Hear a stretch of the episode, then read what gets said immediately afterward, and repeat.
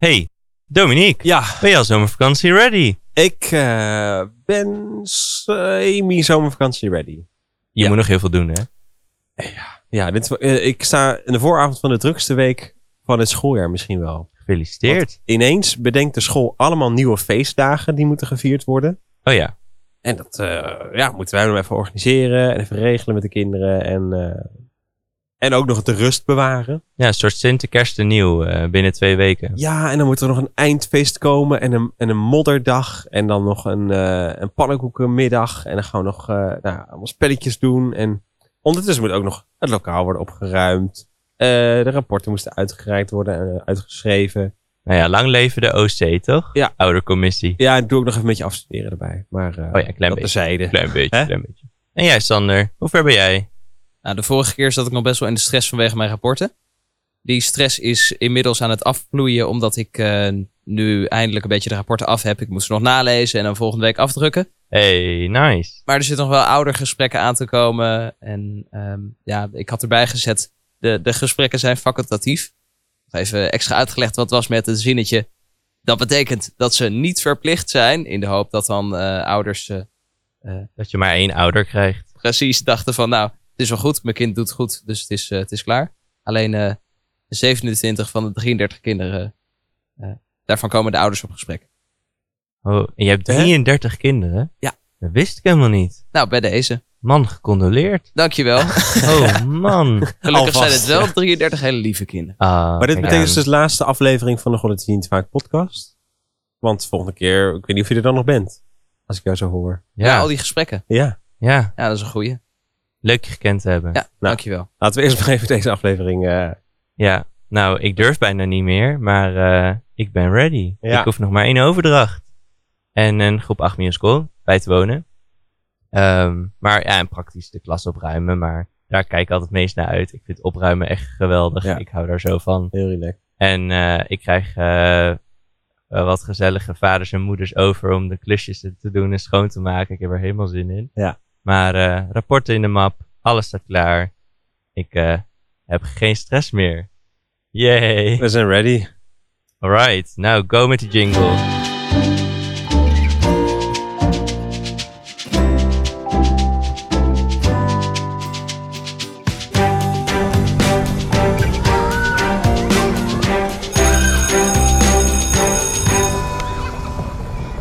Welkom bij de God dat zie je niet vaak podcast, seizoen 3, aflevering 6 inmiddels alweer. Het is ehm, eind juni en we zitten hier in de studio om eh, deze aflevering op te nemen.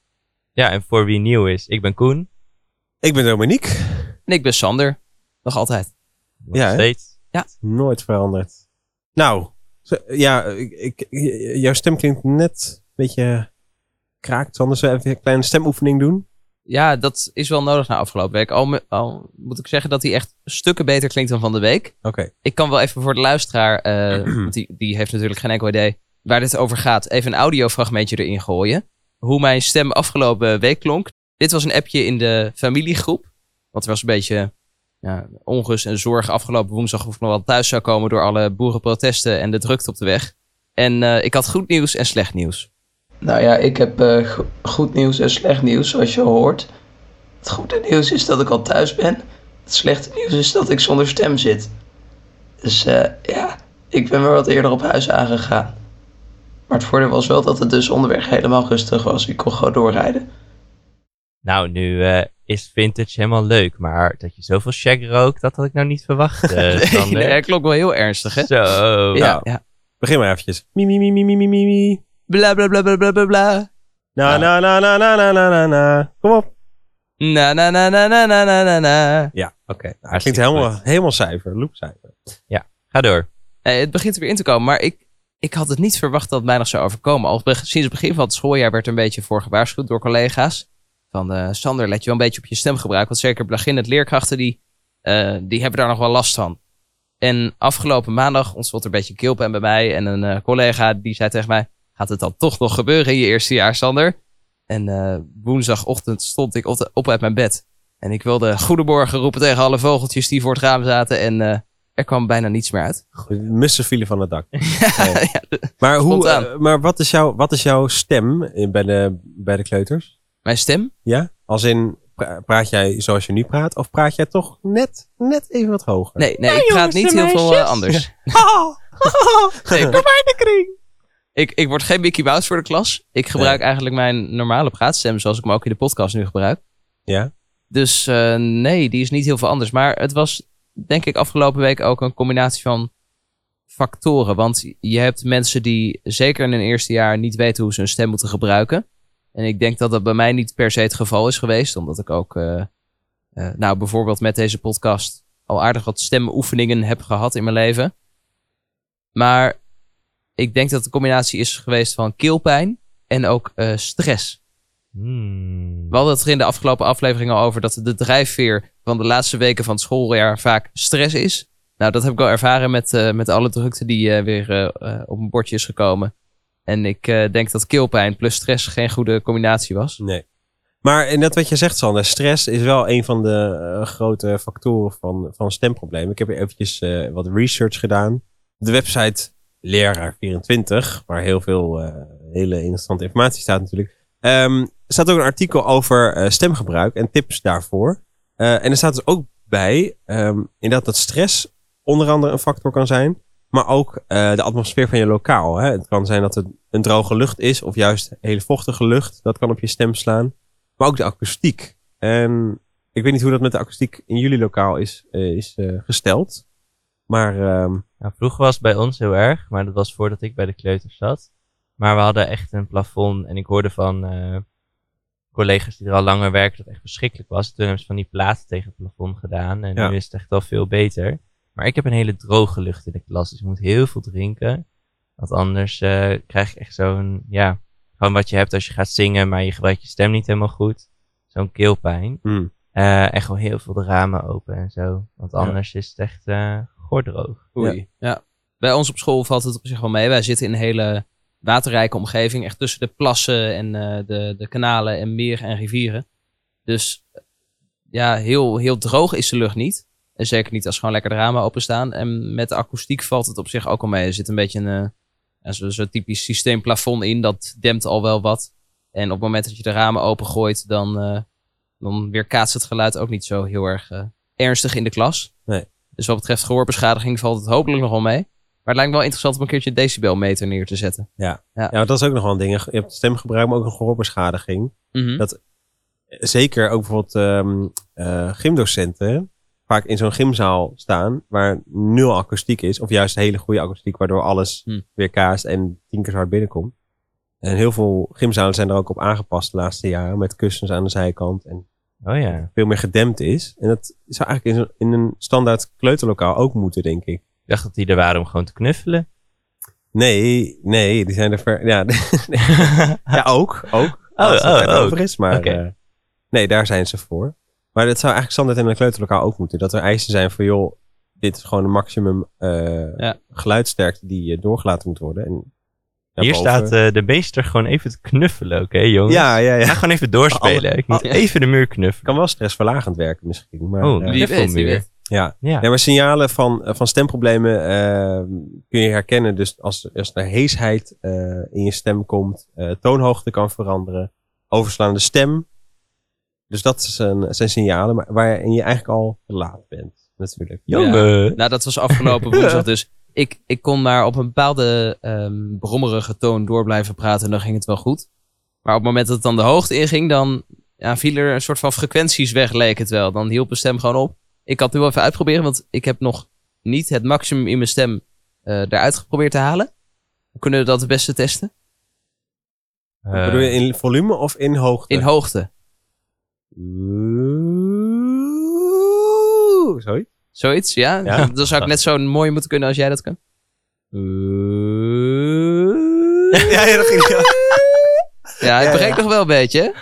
Ja. ja. ja, mooi man. Het is nog niet helemaal wat het is, maar het, eh, het gaat de goede kant op. Ja. En naast de akoestiek in je lokaal is ook nog wel een andere factor belangrijk, bedenk ik mij opeens. Want een tijdje terug werden bij ons ehm, eh, koolstofmeters geplaatst, die eh, ehm, het aantal koolstofdioxide in de lucht meten.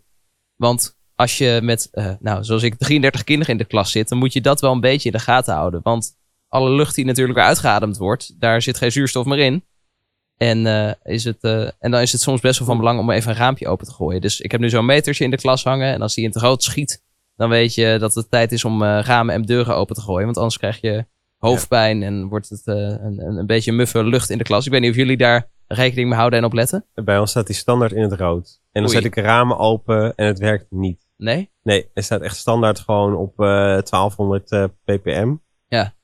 Ja, en ik denk, ja, ik zet de ramen open, de airco staat aan. Maar ja, met, met 30 kinderen, ik weet niet hoe dat dan werkt. Ik probeer altijd wel wat open te hebben. Alleen ik heb echt een enorme graspollenallergie. Ja. Dus Mm. eh, als het heel erg hooikortseizoen is, dan eh, probeer ik het op een kiertje te zetten. Maar ik probeer eigenlijk altijd wel een raam open te hebben. Ja, andere tips voor goed stemgebruik is vooral veel drinken. Geen thee, geen koffie, want er zit cafeïne in en dat droogt je stem uit. Je, Behalve dus groene thee. En rooibos thee. gaan, we nou, gaan we nou excuses zoeken om toch thee te kunnen Ja, drinken? ja, Ja, Oh. sowieso. Ja. Oké. Nou, in ieder geval water drinken is, is natuurlijk het beste wat je kunt doen. Eh, en daarnaast ook je stem gebruiken om een klas stil te krijgen. Is niet de beste manier om je stem te sparen. Eh, dus gebruik daarvoor een klappen of een belletje of een ander geluid. En eh, niet roken.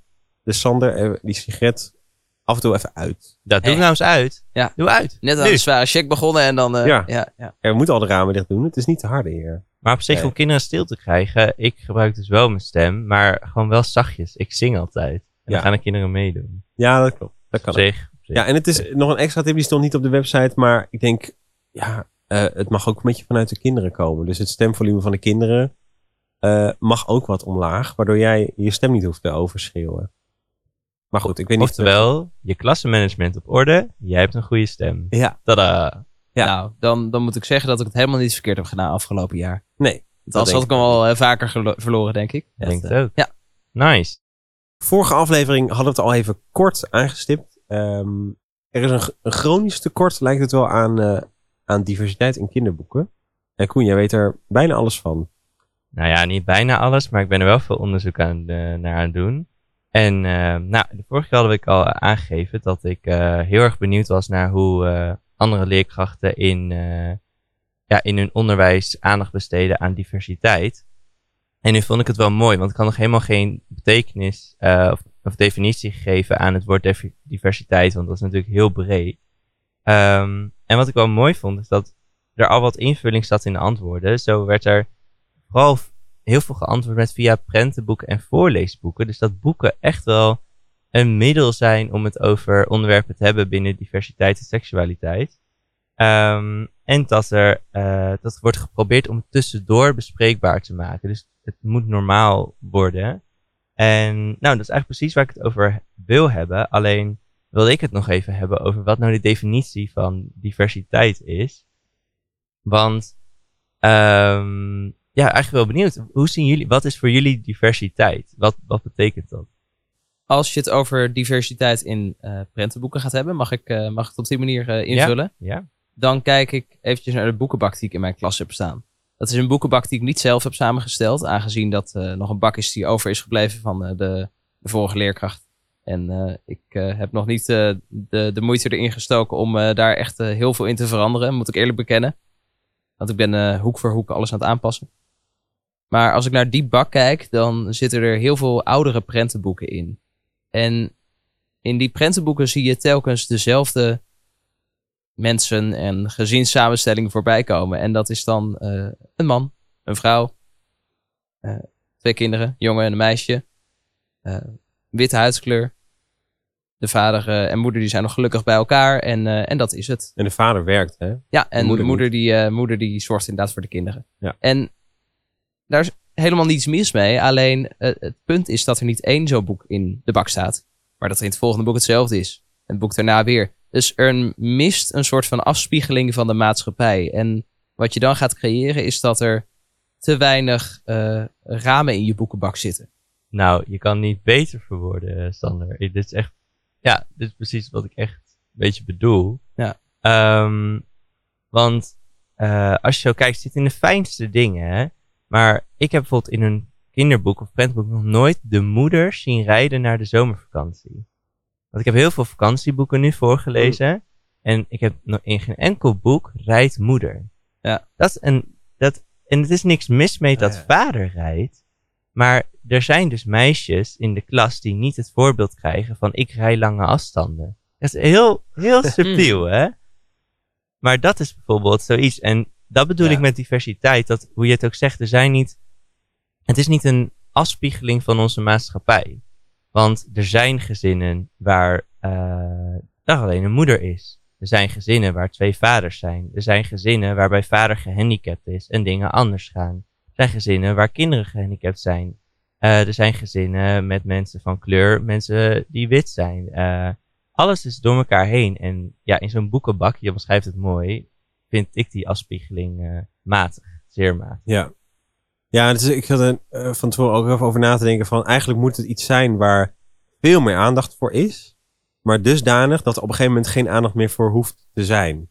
Want je wil natuurlijk niet dat, eh, dat er bij elk boek moet stilgestaan worden bij ja, maar er moet wel iemand van kleur of iemand met een eh, andere Mhm. seksuele oriëntatie in zitten.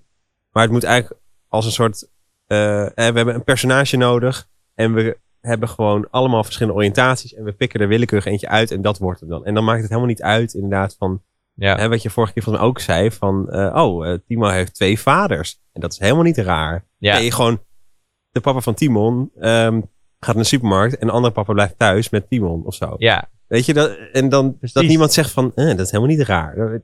Ja, er dat, moet een nadruk op zitten, maar er moet ook geen nadruk op zitten. Heel, ja, dat vind ik precies. Ik vind van die boeken dat je hebt van dit is eh, Lotje en eh, ze zit in de rolstoel, maar ze heeft een heel normaal leven. ja. Dan denk Ja. ik van dan onbewust bied je kinderen aan van vind dit maar normaal. Want Ja. eigenlijk is het niet normaal, maar ik ga jullie nu de les over geven. En ehm, ik denk dat het gewoon heel krachtig is als je bij kleuters, vooral bij kleuters, dat normaliseert hoe, hoe de maatschappij is. Ja. En nou, we hebben een, eh, daar kwam jij mee Dominique, eh, twee fragmenten van NPO Radio 1, Ja. dan van een tijdje terug.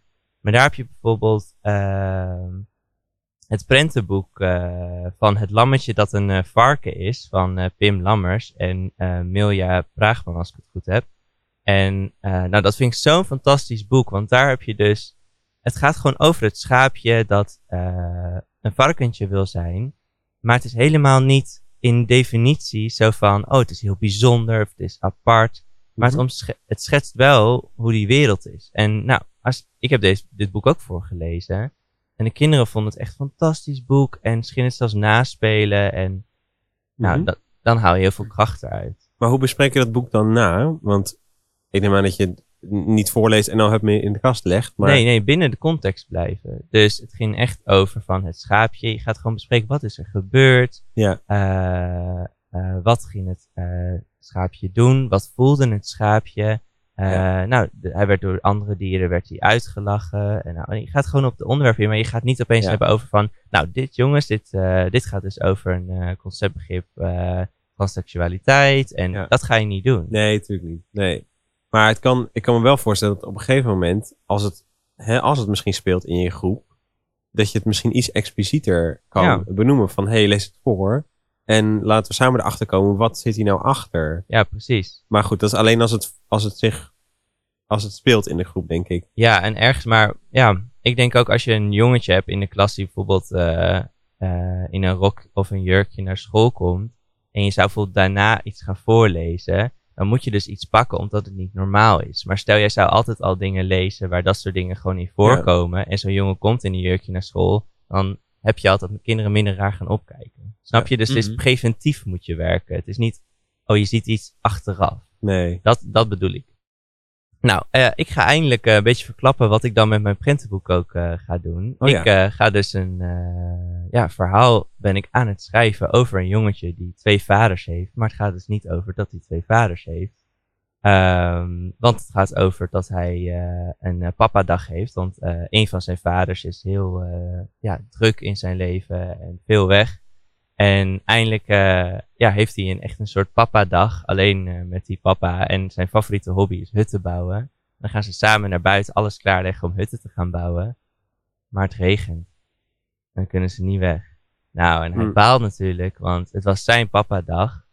En, eh, nou, en gelukkig heeft hij ook een hele lieve hond. En die hond, die komt met de oplossing. En daar laat ik het even bij, want eh, anders heb ik mijn hele boek al verkocht. Oké. Maar, eh, en wat ik gewoon zo leuk aan dit concept vind, is dat je, dit, als stel je zou dit boek voorlezen, en dan ben je gewoon aan het lezen over de problemen waar dat jongetje tegenaan loopt, maar niet, ben je, ben je niet het probleem aan het bespreken van, oh, hij heeft twee vaders.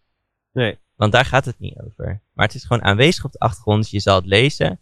Want ik heb laatst ook, ging ik Jip en Janneke ging ik, eh, voorlezen. En daar heb je een verhaaltje over eitjes leggen. En dan was Jip de vader kip, eh, of de vader haan, laten we zeggen. En de, eh, Janneke was dan de kip. En ik heb ze allebei een kip gemaakt. Dan zullen allebei eitjes uitbroeden. Ze waren Ja. allebei moederkip. Geen enkel kind dat bij mij zo zei, dat klopt niet. Nee. Want dat ik dat dus vaker doe. Ja, en dat over Jip en Janneke, dat komt ook terug in dat fragment wat we even in de, in de show notes zetten. Want in dat fragment is eh, Manon eh, Sikkel, was in 2019 kinderboekambassadeur, eh, was dat de gast. Psst, hier, Dominique vanuit de montagekamer. Even tussendoor, Manon Sikkel, die ik zojuist noemde, was kinderboekambassadeur. Die taak heeft ze afgelopen maand overgedragen aan Martijn van der Linden. Waar ik naar verwijs is overigens wel een uitspraak van Manon Sikkel, ex-kinderboekenambassadeur. In het interview bij NPO Radio 1 uit 2019 in show notes hoor je meer over die uitspraak. Wil je weten hoe Manon na drie jaar terugkijkt op haar ambassadeurschap? Dan wil ik je aanraden het artikel in de laatste editie van Lezen, het tijdschrift van Stichting Lezen, te lezen. Goed, terug naar de aflevering. Je vertelde ook over Jip en Janneke dat je heel makkelijk, ook een beetje sneaky, de namen kunt omdraaien. Jan, Janneke wordt Jip en Jip wordt Janneke. Hm. En dan krijg je een heel andere dynamiek in het verhaal. Ja, Maar toch is het dan volledig eh, modern eigenlijk. ja, Want inderdaad, ineens is Janneke eh, de, de stoere, ik durf air quotes. ja. Eh, en Jip is dan hè, een beetje de, de, de, de, het meisje, soort van. Ja, het blijft nog steeds wel jonge meisje, maar Ja, maar wat inderdaad, is wel iets het zijn meer, eh, fantastische verhaaltjes. Annie M. G. Smit heeft echt de meest leuke dingen geschreven. Maar je moet het inderdaad af en toe een beetje omdraaien. Ja. En ik doe ook wel eens, eh, ik heb laatst gedaan, van er stond, eh, moeder was eh, de, de ertjes aan de dop in de keuken en vader was een sigaar aan het roken en de Ja. krant aan het lezen. En dat heb ik omgedraaid. ja. En mijn onderwijsassistent kwam niet meer bij, want het was Oh, van, ja, moeder zat een Ja. sigaar te roken en de krant te lezen. Ah. En eh, nou, ik, ik, ik kwam ook zelf niet meer bij en de kinderen keken me maar aan, waar heb je het over? Ja. Dus, eh, maar dat zou dan, ja, dan geeft het aan dat het voor de kinderen gewoon ja, heel ja. normaal en dat is. vond ik wel een mooie bevestiging, want ik heb het er heel veel over. Of eigenlijk juist niet over, waardoor het gewoon heel normaal is. Ja. Maar ja, ik, vond, ik moest gewoon heel hard lachen. Ik vond het heel leuk. Ja. Tof. En wanneer kunnen we jouw boek verwachten? ja, dat, eh, daar ga ik nog even niet... eh, nee, daar geef ik nog even geen eh, Nee. antwoord op. Maar dat is een prentenboek? Of is het een... Ja, ik zou zeggen het is een voorleesboek met prenten. Ja. Maar het is, het, het is niet een prentenboek met twee zinnen per bladzijde. Nee. Het is wel echt een eh, verhaal. Heel benieuwd. Dus eh, ja, thanks. Tof. Thanks. Dan blikken we even terug op een bijeenkomst waar ik een aantal weken terug bij was. Dat was eh, georganiseerd vanuit eh, de stichting waarvoor ik werk. Ehm, en ik was daar eh, te gast bij Kees van Overveld. Misschien komt de naam jullie wel bekend voor. Hij heeft een aantal eh, onderwijskundige boeken geschreven. En de meest bekende voor mij was Groepsplan Gedrag. Ken je denk ik ook nog wel, Dominique? Ja. Die ja, SEL, eh, SEL, eh, Sociaal-Emotioneel Leren. Ja. Dat boek ook. Klopt inderdaad. En dat zijn boeken die wij op de Pabo hebben gehad. En eh, ook regelmatig hebben ingekeken voor het schrijven van verslagen. En het hulp zoeken bij casussen in de praktijk. Mhm. En naast het schrijven van boeken is Kees van Overveld ook actief in het geven van trainingen aan leerkrachten die ehm, ja, het lastig vinden om de sociale veiligheid in hun groep in de gaten te houden. En dan geeft ze dan tips eh, hoe ze dat eh, beter kunnen doen. En dat was ook een beetje waar deze bijeenkomst over ging. Het ging over sociale veiligheid in de klas en waar dat begint en hoe je dat eh, kunt onderhouden.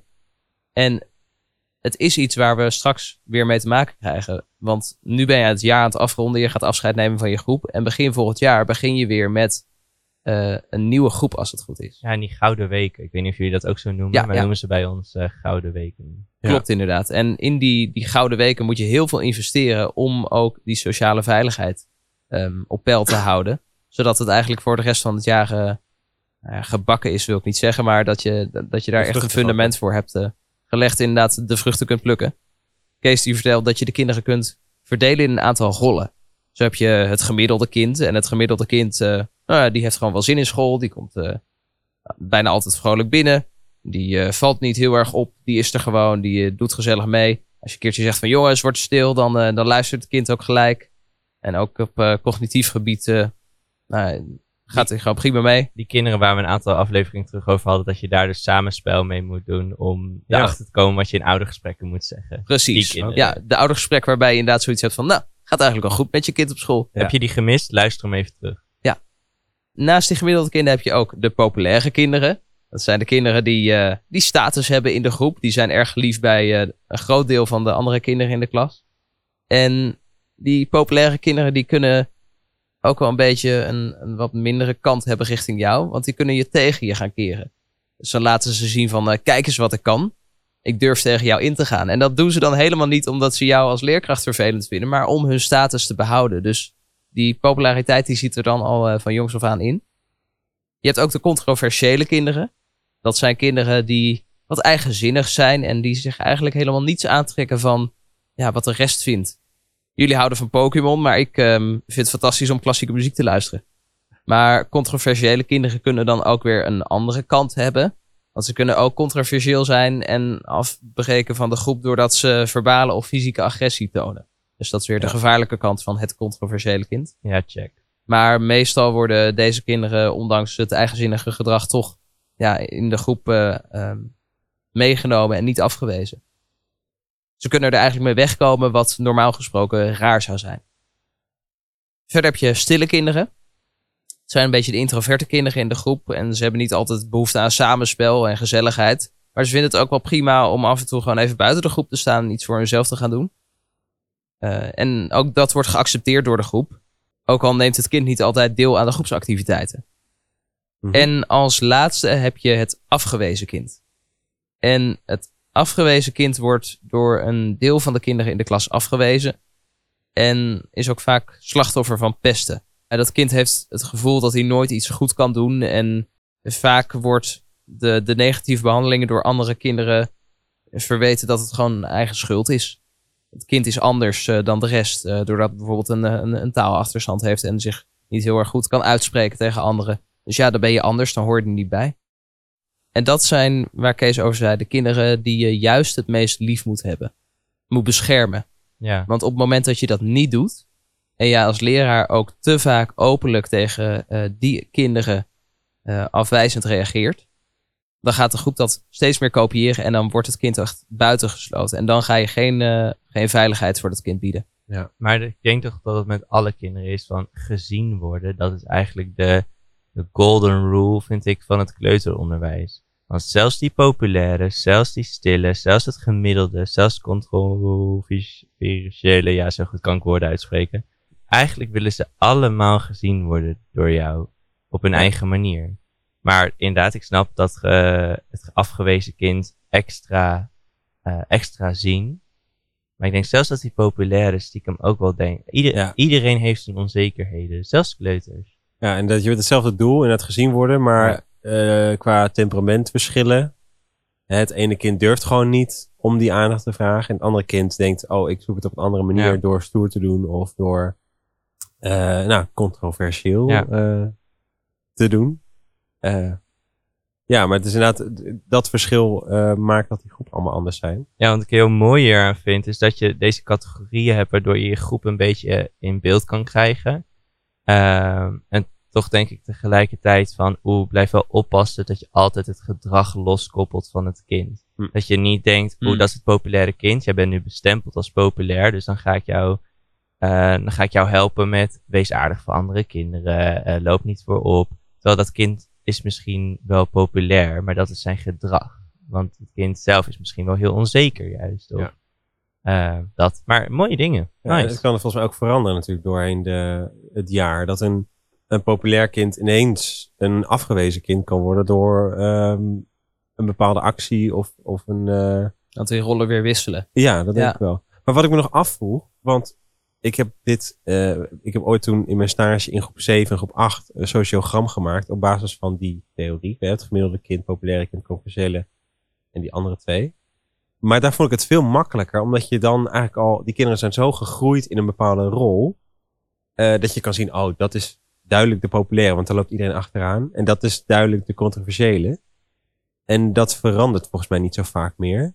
Maar ik kom me af bij kleuters. Zijn er echt populaire kinderen?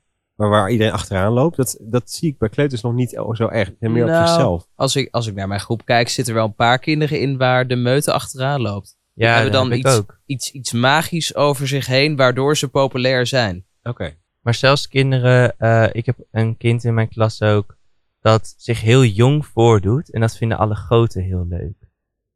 Dus ja, heel, heel plat gezegd, eh, dat kind is de baby. Hm. En de andere kinderen kunnen dat kind optillen, eh, Oh, op ja. de rug Ja, doen. En, maar dat kind ehm, eh, is eigenlijk heel populair. Oké, want daar Al- kan je, al daar kan zie je ik, alles mee Daar doen. kan je alles mee Ja. doen. Dan zie ik dat niet zozeer in de zin als in populair, omdat hij eh, eh, heel erg groots voordoet en ehm, Ja, nee, een bedoel- leiderschapsrol ja. heeft. Maar inderdaad, het zorgzame aspect, dat zie je ook vaak. Ja. Ja. ik bedoel meer te zeggen op de, als Ja. antwoord op Dominique's vraag. Mhm. best populair kind.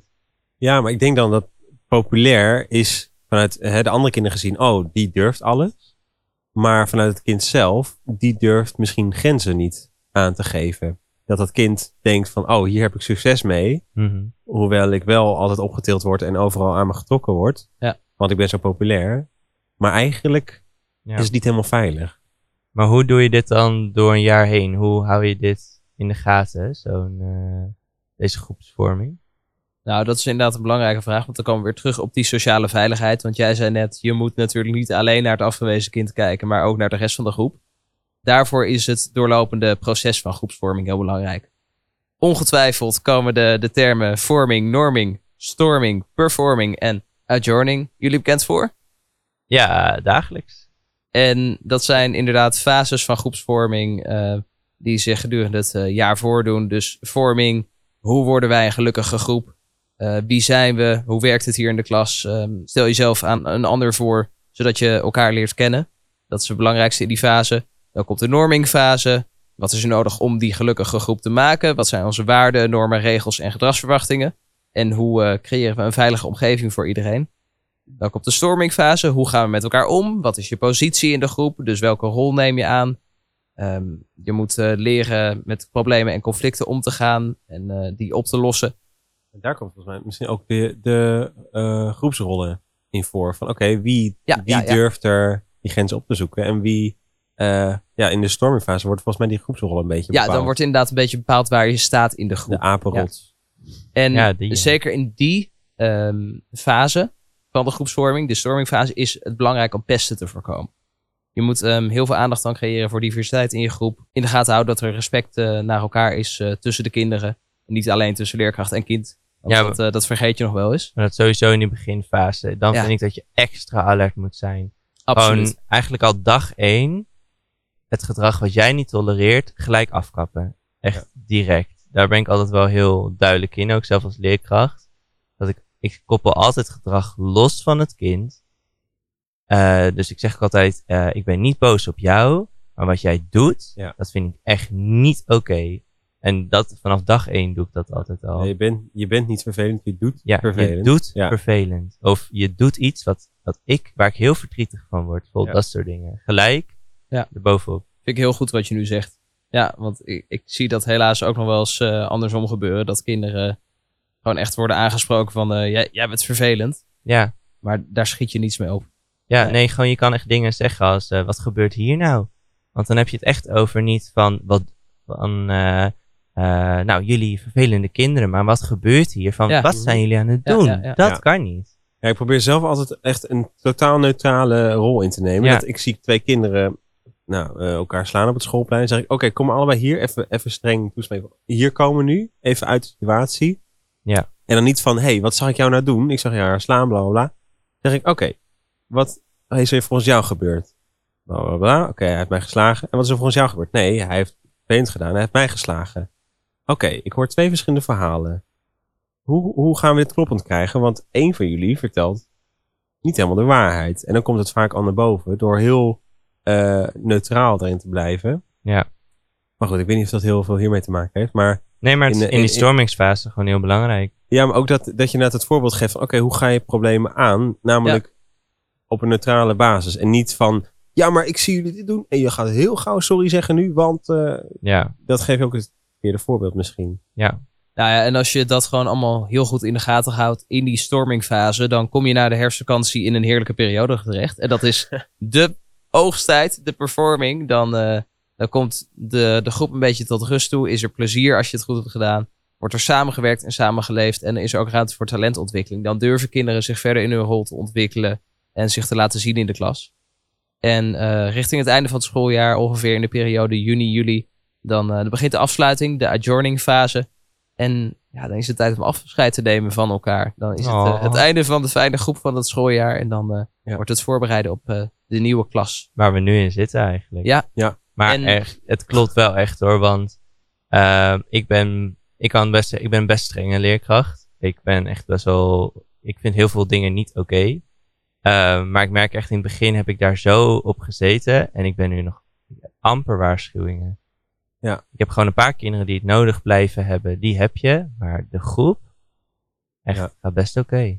Ja, ik Ja. denk dat iedereen daar inderdaad een eigen manier voor heeft. Want Ja. waar jij zegt, ik ben heel streng, Ja, denk ik dat ik wat toegeeflijker ben. Ik heb ook heel vaak dat ik tegen kinderen zeg van, nee, doe maar niet. En dan komen ze bij me en dan zeggen ze, maar meester, ik, ik wil dit doen omdat dit en dit. En denk van, ja, heb je eigenlijk best wel een punt. oh ja. Nou, weet je Mhm. wat? Doe het er maar en zie dan maar wat eruit komt. Dus ja, ik ben ook mooi. wat toegeeflijker. Maar wat ik wel vanaf het begin van het schooljaar heb benaderd en echt op gehamerd heb, is ehm, eh, eh, het, het menselijk zijn voor elkaar.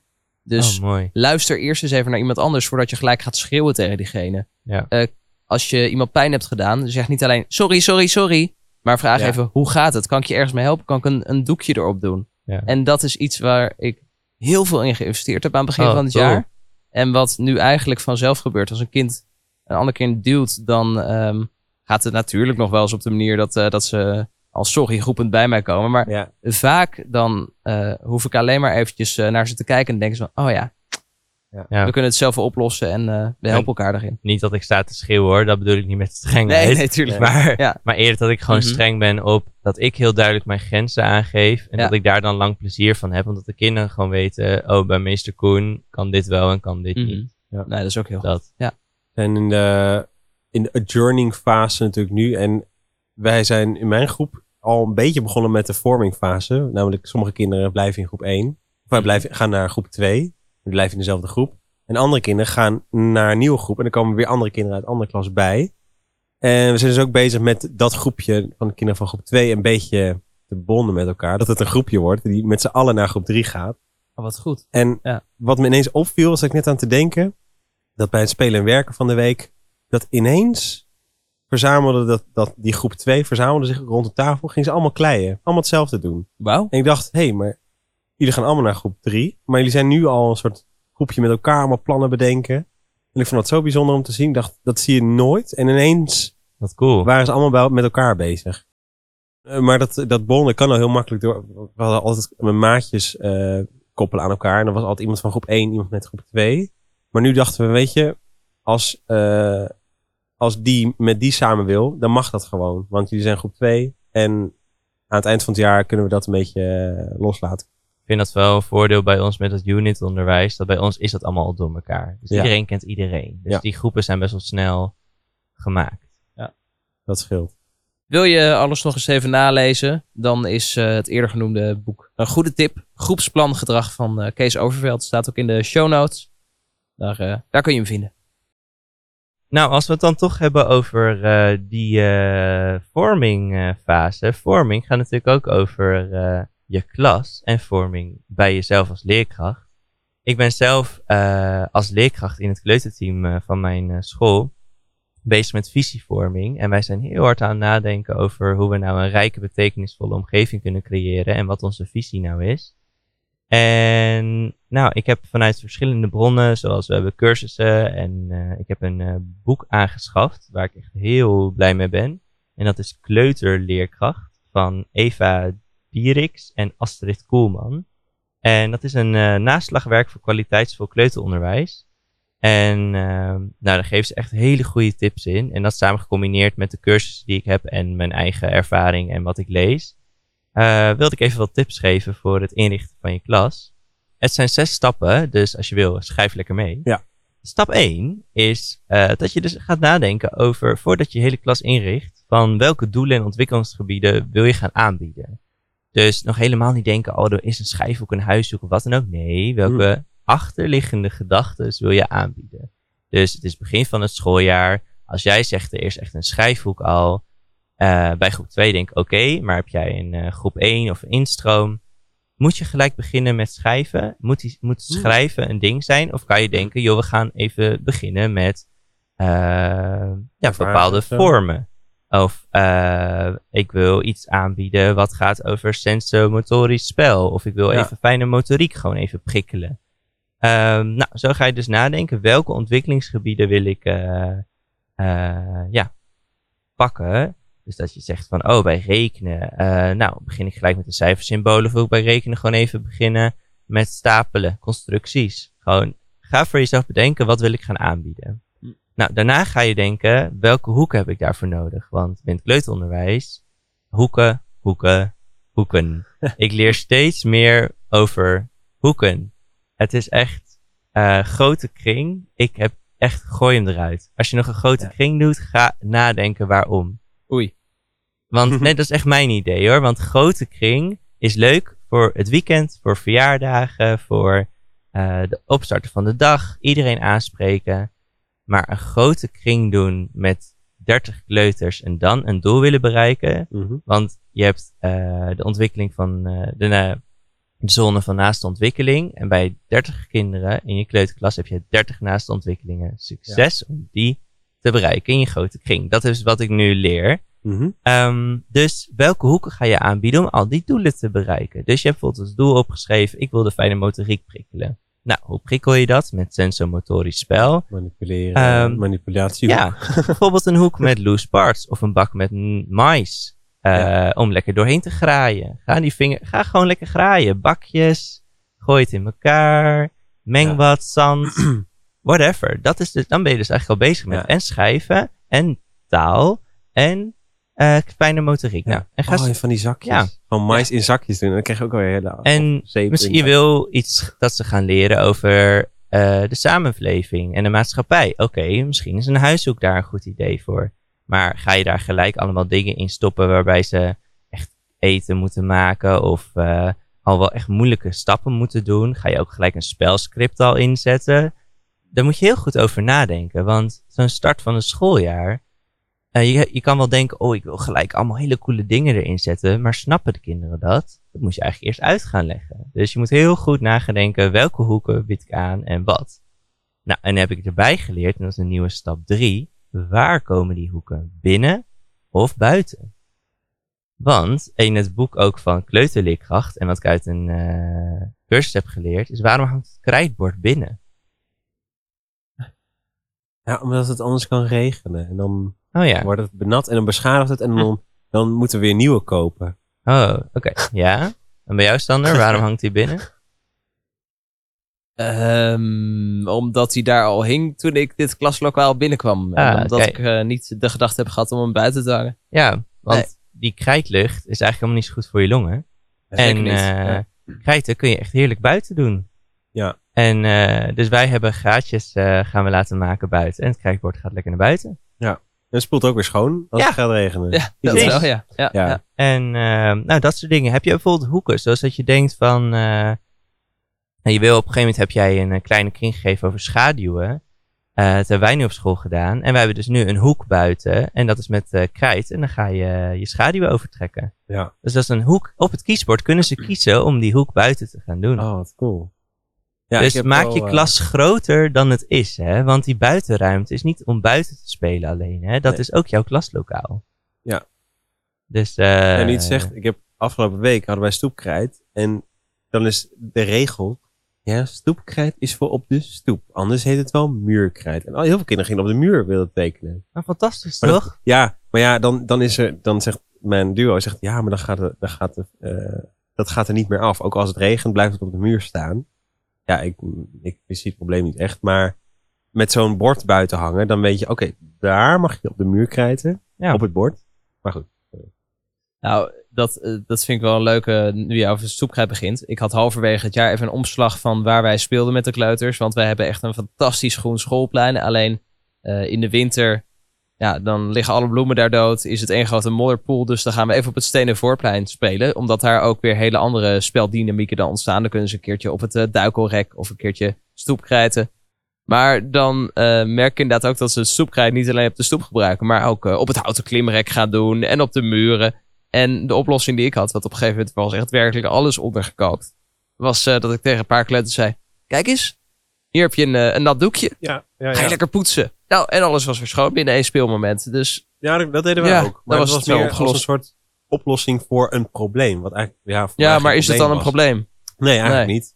Maar ik ja, had het is, laatst ook eh, met een eh, bovenbouwleerkracht. Die liep langs, eh, langs mijn eh, droogrek voor de, de verfpapieren. En er eh, zitten wat eh, verfvegen op de muur daar. Logisch, want de kinderen die, die schaven er wel eens langs. En zij liep langs en zei... Ja, eigenlijk kan dat niet, hè, Sander? En ik zo...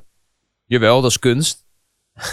en toen had ze gelijk al zoiets van... Oké, laat maar, waar bemoei ik me eigenlijk mee? Je hebt gelijk. Ah, ja. Maar de, dat, je, je moet af en toe gewoon een beetje omdenken daarin. Ja, Ja, precies. Nou, ik zou zeggen, kijk verder dan eh, je klas lang is. Goeie. Ja. En eh, stap 4, ga nadenken over welk spel je daar dan aanbiedt.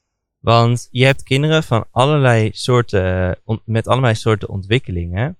Je krijgt kinderen binnen die nog helemaal in dat sensopathische spel zitten, het sensomotorische. Gewoon voelen, om zich heen kijken, staren. Maar dat is ook spel, hè. En als jij dus een hoek gaat neerleggen waarbij je alleen maar echt dingen moet doen, moet bereiken, dan heb je die kinderen dus niet te pakken. Maar je hebt ook kinderen die bijvoorbeeld al wel rollenspel aan kunnen. Dus moet je daar denken, oh, kun je daar echt rollenspel al doen in die hoek? Kies je daar bewust voor of is deze hoek echt om te voelen en meer niet? Ga ook nadenken over is er ruimte voor samenspel? Want kinderen willen heel graag vaak hetzelfde doen, maar naast elkaar. Dus zijn er, is het meer van hetzelfde. Als er maar één mogelijkheid is om een toren te bouwen, Ja. dan is samenspel dus niet mogelijk. Maar heb jij twee sets met blokken, kunnen kinderen naast elkaar samenspelen en ga je triggeren om dat samenspel op gang Ja. te brengen. Dus dat is de volgende stap. Welk spel bied je aan? Dus je hebt welk doel, eh, welke hoek, waar en welk spel. Nou, stap 5 ga je echt je hoek inrichten. En je zorgt natuurlijk voor afbakening. Maak je hoek ook klein? Maak geen grote hoeken. Dat heb ik ook geleerd. Grote hoeken eh, werken eigenlijk helemaal niet zo goed. Hou het klein. Want ehm daar was voornamelijk de reden voor dat je wel ruimte nodig om te spelen, maar het hoeft helemaal niet zo groot te zijn. Het mag best klein zijn. Je kan bijvoorbeeld een huishoek hebben die helemaal niet heel groot Mhm. Als je bijvoorbeeld een thema en een huishoek in je klas hebt, je hoeft niet een groot huis en een grote themahoek, maar je kan bijvoorbeeld wel zeggen, oh, we hebben echt een winkel en een huishoek en een themahoek, maar die mogen allemaal best klein zijn. Als er wel ruimte is. Ja, als er maar ruimte is. Ja, Ja, Want ik heb wel een huishoek die vol staat. ja. Waar drie kinderen in moeten of kunnen. Maar Maar ga erover nadenken, waarom staat hij vol? Staat hij niet Ja. te vol?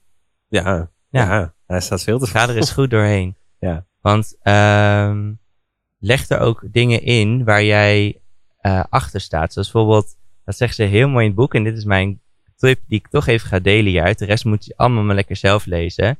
Maar zij bijvoorbeeld, hang lijstjes op in je huishoek. Die passen bij het thema. Dus heb je het thema boerderij. Hang er allemaal foto's in van boeren. Over de hele wereld, van vroeger, van nu. En dan Oh. ga je naar het thema, eh, weet ik veel, beroepen. Hang er allemaal verschillende beroepen in. Dus dan, je huishoek verandert heel simpel mee met het thema. Maar dan zorg je dus ook voor diversiteit. En leg een kleedje op de grond. En niet zo'n standaard kleedje uit Nederland. Maar leg er dan een mooie Afrikaanse print in. Dan hoef je het er niet per se over Ja. te hebben. Maar dan komen kleuters in aanraking met die verschillende culturen. Want als ze het dan een keer zien op straat. En moeder zegt, oh, nou dat is bijzonder. Dan kan zo'n kind best zeggen, nee hoor. Hebben wij Is ook. niet. Ja, is niet. Of zet een eh, eh, Aziatisch theesetje neer. En dan hoef je niet les te geven over die theeset. Maar dat het gewoon normaal is. Gewoon een, Ja. gewoon een mingvaas in je, in, Precies. je- in je huishoek. Niet Ja. opstoten. Nee. En de laatste stap is werk samen. Hè. Ga ook, en dan bedoel ik tussen leerkrachten. Kijk bij elkaar. Controleer bij elkaar. hey, ehm, is het overzichtelijk? Snap ik hoe dit werkt? Weet ik welke hoek waar is? Staat het niet te vol? Of Mhm. is het niet te leeg? Is er ruimte voor samenspel, sensomotorisch spel? Check alles bij elkaar, want iedereen heeft zo zijn kwaliteiten. En bijvoorbeeld, je, je kan een fantastische leerkracht zijn, maar best wel veel spullen willen hebben. dan kan een minimalistische leerkracht even eh, helpen om er nog een keer doorheen te kijken. Terwijl die minimalistische leerkracht kan je juist weer helpen door van, ja, maar heb je wel alles aangeboden? Is het niet Ja. karig? Dus eh, lees lekker het boek Kleuterleerkracht en eh, succes met het inrichten van je klas. Ehm, mocht je een tip willen, bericht ons dan even op onze Instagram. Eh goh, dat zie je niet vaak, eh, podcast, G-O-H. Ehm, want we willen je altijd helpen en meedenken. Ik ben trouwens eh, dinsdag 5 juli jarig. Dus een goede cadeautip is ook eh, dat boek misschien eh, voor mij. Nee, ik weet niet. Flauw. Dit, eh, dit kind, eh, dat vergeten wij nu even. Het vergeten kind. Het vergeten Oh kind. shit. Oké. Maar- Ik kijk er wel ontzettend naar uit. Want ik weet nu dat ik op eh, de school eh, waar ik nu werk blijf. Dat eh, heb ik in de vorige podcast al mogen vertellen. Ja, Maar Top. dat betekent dus ook dat het lokaal wat ik nu heb officieel van mij is. Dus ik mag eindelijk alle zooi die erin staat eruit gaan Oh, gooien. heerlijk. En eh gewoon alles zwart gaan verven. Ja. Wie weet. Ja. Een black Nee, maar, maar dat is eh, wel, wel heel tof. dat ik nu ook bewuster over de ruimte na kan gaan denken. En ik heb het afgelopen jaar al heel veel verschoven. Maar ik ben nog niet helemaal tevreden over wat ik aanbied in de klas. Dus hopelijk wordt het Ja. volgend schooljaar beter. En kijkt ook zo naar uit om zelf een heel klaslokaal in te kunnen richten. Dat je al, al lang ideeën hebt opgedaan van ja, als ik ooit die ruimte heb, dan dit. Of dan dat. Ik kijk ook zo erg uit. Ik heb zoveel. Ik ben echt al. Ja. Ik heb een twee maanden lang kriebels om op te ruimen. En, Ja. en ik, vind die, ik vind die beginfase, die formingfase, vind ik echt zo leuk. Zo van waar is alles? En weer even een lesje lijmen en een lesje plakken. En ja. gewoon Ja, ja. alles leren. Ja, ik vind dat zo leuk. Ja, dat, wat je zegt over die hoeken inrichten, of in ieder geval die lokaal inrichten, dat komt eigenlijk overeen met die, met die groepsfases. Van hè, eerst vormen, dan kom je er ineens achter van, oh, dit werkt helemaal niet. Of dit eh Ja. hè, stormingfase. En blijf kritisch, hè? Want als jij een hoek hebt die niet werkt, ga dan niet zeggen: Oh, ik kijk het twee weken aan. Nee, Nee. Actie. Waarom werkt die niet? Ja. Ga deze eh, dingen af. Misschien ben je wel vergeten om over het doel na te denken. Of misschien ben je vergeten over dat er wel spel mogelijk is. En ook kinderen bij betrekken. Dat, dat vind ik wel lastig hoor, soms. Van aan kinderen vragen wat ze bijvoorbeeld in een hoek willen. Of eh waar behoefte het al eh, over gehad, Dominique. Mindmappen. Oh ja, ja, ja, ja. Oh ja, natuurlijk. Luister die aflevering ook even terug. Eh, Een paar afleveringen terug hadden wij het over een, ja, een leerling uit mijn groep. Waar ik nou niet zo goed hoogte van kreeg. Die had in een dansles begon ze ineens uit het niets heel hard te huilen. En ik, ja, het, het blijft nog steeds een raadsel wat er nou in dat hoofdje omging. Eh, ik heb nog zo'n leerling in mijn klas. En eh, nou, die casus eh, klinkt als volgt. Ehm, die jongen, een klein jongetje uit groep 1, die is mij ontzettend aan het uittesten en uitdagen en ook andere kinderen. Het is wel een heel vrolijk jongetje. ehm, en hij lacht veel, echt een hele brede grijns bij alles. Ook als hij iets heel, eh, heel stouts doet. Ehm, maar kan, hij kan weinig aansluiting vinden met andere kinderen in de groep. Hij dartelt een beetje door de klas heen. Eh, nou, plant zichzelf uit bij het spelen en werken. En dan gaat hij maar een beetje rondhangen. Wat heb je ingepland? Ja, niks. Waarom niet? Of wat, wat, wat is er aan de hand? En dat weet hij dan niet zo goed. Ehm, en er komen ook vaak verhalen mijn kant op van kinderen die zeggen dat hij, hem, eh, dat hij andere kinderen geslagen of geschopt heeft. Maar ja, ik zie dat nooit. Het is altijd buiten mijn zicht. En van de week kwam het wel tot een toppunt dat wij aan het buitenspelen waren. En ik liep eventjes naar binnen om iets te pakken. En hij stond met kwasten in zijn hand en een schaar. En hij heeft alle kwasten kort geknipt. Hm. En toen ben ik even, nou ik ben niet uit mijn slof geschoten, maar ik was wel even de boze meester. Daar gaat je zak geld. Ja, ik wou net zeggen. Ja, nou precies. Maar ik dacht echt van, wat, wat gebeurt hier nou? Waarom, waarom doe je dit? En dat wil je aan een kind vragen, maar dat weet hij zelf ook niet. Mhm. En ik heb het aan mijn duo eh, voorgelegd en die zei, ja, hij wil gewoon gezien worden. Dus hou hem komende week echt strak in de gaten. En bij Ja. alles ook 's ochtends als hij binnenkomt. Hé, hey, wat, wat gaan we vandaag doen? En hoe gaan we ervoor zorgen dat het een leuke dag wordt? Nou, geen kinderen schoppen, geen kinderen slaan. Dus dat wist hij wel. Maar dan gaat het toch ergens mis. Ja. En ja, ik weet niet of jullie dat ook ooit hebben meegemaakt. Misschien niet in je eigen klas, maar in een stagegroep of zo. Dat kinderen... Ik herken wel wat kinderen. Maar bij mij komt vooral boven, snapt hij de klas? Ja, het lijkt een beetje alsof hij de weg kwijt Ja, is of zo. snapt Ja. hij hoe het werkt? Ja, Heb je, zou ik zeggen, het klinkt heel erg alsof hij heel veel behoefte heeft aan dat je samen met hem gaat kiezen. Ja. Dan vervolgens samen met hem samenspel speelt. Dus jij doet precies hetzelfde wat hij doet. Ja. En dat hij vanzelf gaat praten. En dan ben ik super benieuwd waar hij het dan over gaat hebben. Nou, het is, hij, hij praat wel veel. Alleen het is, hij heeft een soort eigen waarheid. Dus ook als ik wel eens, eh, dan zie ik dat iets gebeurt wat niet kan. En dan roep ik hem bij me en dan zeg ik, wat is er nou net gebeurd? En dan zie je hem zo, met de ogen naar boven. En dan zie je hem echt zo denken van, oké, hoe ga ik me hier uitlullen? Eh, en dan zie je hem echt zo nadenken. Ik zeg je, nou, de naam van het jongetje. Wees even eerlijk. Eh, nou, en dan heeft hij een heel, heel ander Ja. verhaal erbij. Klinkt alsof hij ook heel bang is. Want zo van, is hij, en dan denk ik meer aan de hechting en zo. Mhm. Van, is hij veilig gehecht? Van, durft hij dingen te zeggen en zo? Want dat omhoog kijken, weet ik dat heel erg een ding is van, ik ben er niet. Van het eigenlijk heel Ja. eng vinden Mm. om, De waarheid. om, zeggen. om, nou, om, om jezelf bloot te geven. Van Ja. wat er nou is gebeurd of waarom. Ja, Tenminste, Ja, ik herken kinderen die dan hechtingsproblematiek hebben of die gewoon het niet zo goed snappen. Of, ja Dat het, het lastige is, naar buiten is het echt een stralend jongetje. En ik mag hem ook heel erg. Maar dat is ook wel het gevaar. Dat ik wel eens denk van, ah, het is Ja. gewoon een schatje. hè. En ik kan, ik kan gewoon niet boos op hem worden. En dat is wel het gevaar wat nu schuilt daarin. Ja. Dat hij echt dingen doet die niet kunnen. Nou, echt bij die kwasten en dan misschien ook heel erg op jezelf betrekken, waardoor jij je kwetsbaar opstelt om die hechting goed te krijgen. Van, eh, nou, je hebt net geknipt, wat ik net ook al zei. Maakt me best verdrietig dat je dat doet. Want zijn mijn kwasten. Die zijn nu Ja. kapot. En stel hij reageert daar heel erg emotioneel op. Van, oh, oh. Ja. Dan merk je zo van, oh, hij snapt het. Maar stel hij reageert daar weer heel apathisch op. Dan heb Mhm. je, dat je denkt, dat is echt problematisch. Want dan ga jij je emoties uit en dan reageert hij daar niet op. En Nee. dan kan je daarop doorpakken. Nee, hij, hij grijnst dan. Dan zegt hij van, nou, maar dat moest. Hmm. En zie je echt zo'n zo'n Ja, dus hij snapt je wel. Ik zeg, van wie? Ja. Van niemand. Hmm. En zeg ik, maar waarom doe je het dan?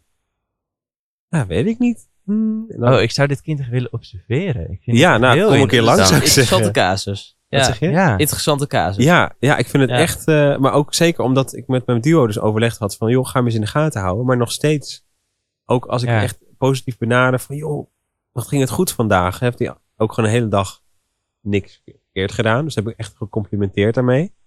Maar de volgende dag eh, kan hij hoe- ineens iets anders Hoe doen. duidelijk ben jij naar hem? Bijvoorbeeld, je gaat naar buiten toe, hè? Dat je zegt van, eh, kijk me aan, ik verwacht dat jij je jas aantrekt, je schoenen aantrekt en naar buiten gaat. Wat Ja. heb ik net gezegd?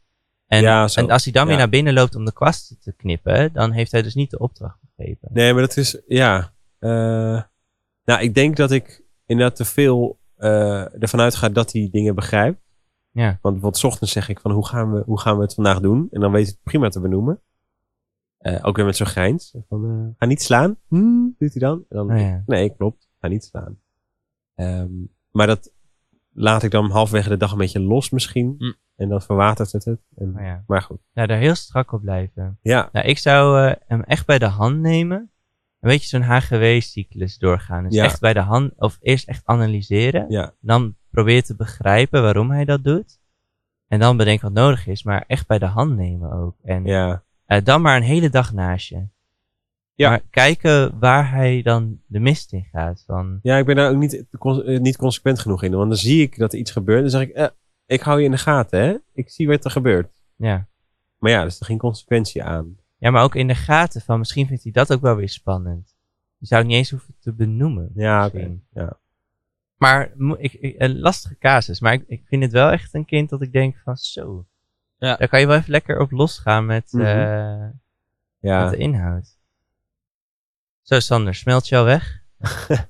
Het is warm in de studio hier, hè? Is heel waar. Weet. Ja, ja, ja. ik zweet hier. Ja, het, het, gewerkt. het probleem is, mocht er nou een eh, airco-sponsor luisteren of zo. De, de airco hier in de studio is ermee opgehouden. En er is eh, nog niemand geweest die, eh, die hem heeft kunnen repareren. Ja. Maar eh, nee, we gaan zo meteen de, de ramen na de opname weer openzetten. En dan, eh, dan wordt het weer wat, wat koeler en frisser hier. ik eh, Ja. denk dat het tijd is voor zomervakantie. Ik denk het ook. Zullen we ons gewoon wachten tot de zomer voorbij is? Dat we weer in een frisse studio kunnen starten? Ja. En dat we dan weer podcasten gaan opnemen? Topplan. Maar dat Op betekent de- dat er in eh, juli en augustus geen podcast is. Nee, klopt. Hey, Sander nog even hier vanuit de montage. Ehm, we benoemen dat er in juli en augustus geen podcast online komt, terwijl deze aflevering nu in juli online gekomen is. Dat komt omdat deze aflevering eind juli geüpload had moeten worden, maar door wat eh, vertraging in de bewerking eh, is die nu pas verschenen. Feit is dat we in september weer terug zijn met de podcast. Dus eh, even een break van seizoen 3. Ja. Nou, dat is eigenlijk wel gek.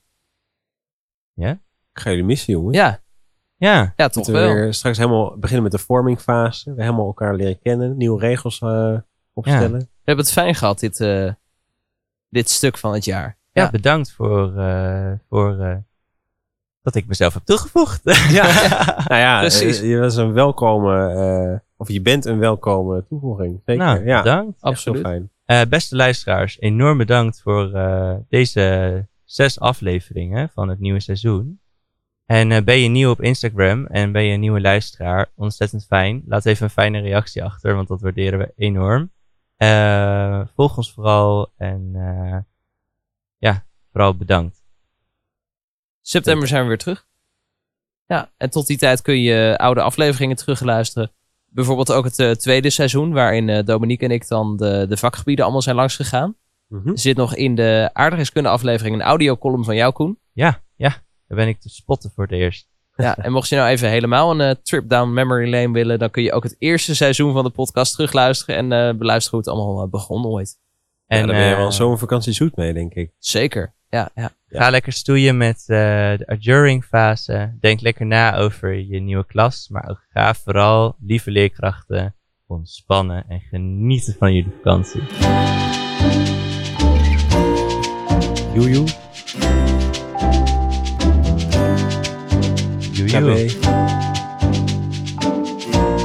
Fijne vakantie. Auf Wiedersehen. Joejoe, doei doei. Tjus.